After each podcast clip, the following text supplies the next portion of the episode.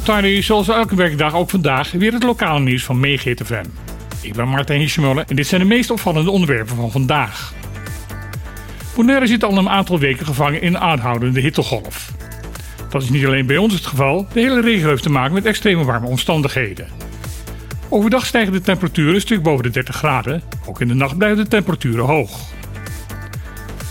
Op het normaal gesproken wat koelere eiland Saba was het vorige week ruim 33 graden, een van de hoogste temperaturen daar ooit gemeten.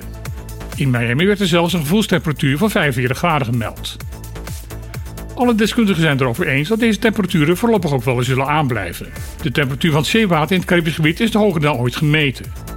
Dit wordt mede veroorzaakt door het klimatologisch fenomeen El Niño.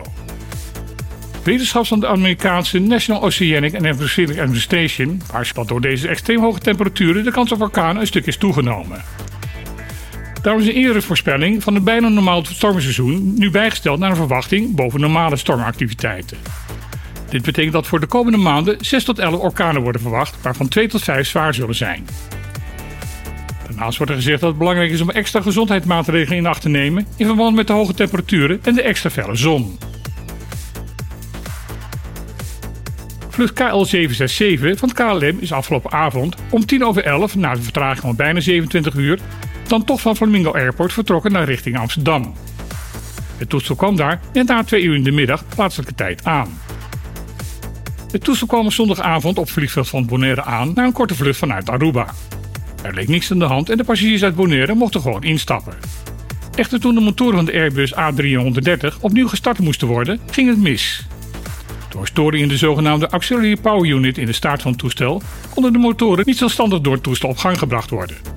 Geen nood, want in zulke gevallen kunnen de straalmotoren ook gestart worden door middel van een externe airstarter.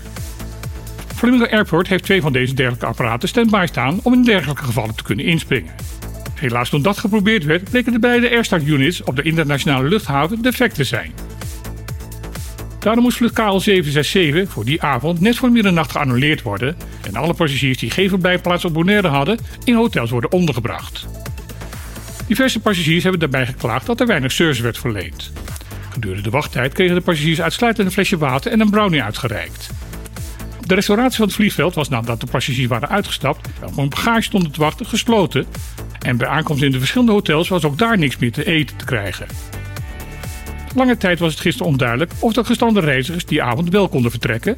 Gelukkig bleek dat uiteindelijk wel mogelijk te zijn. Afgelopen zaterdag heeft de stichting ECHO de halvejaarlijkse LoRa-telling gehouden.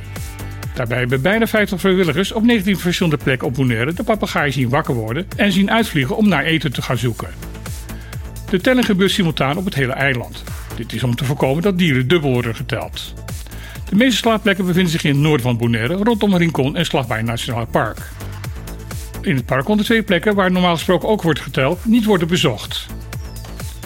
Waarschijnlijk is daardoor het aantal lorres dat dit jaar is geteld iets lager dan andere jaren. En komt dit keer uit op het aantal van 498. Dit moet gezien worden als het minimum aantal dieren dat momenteel op het eiland te vinden is. Waarschijnlijk zijn er meer.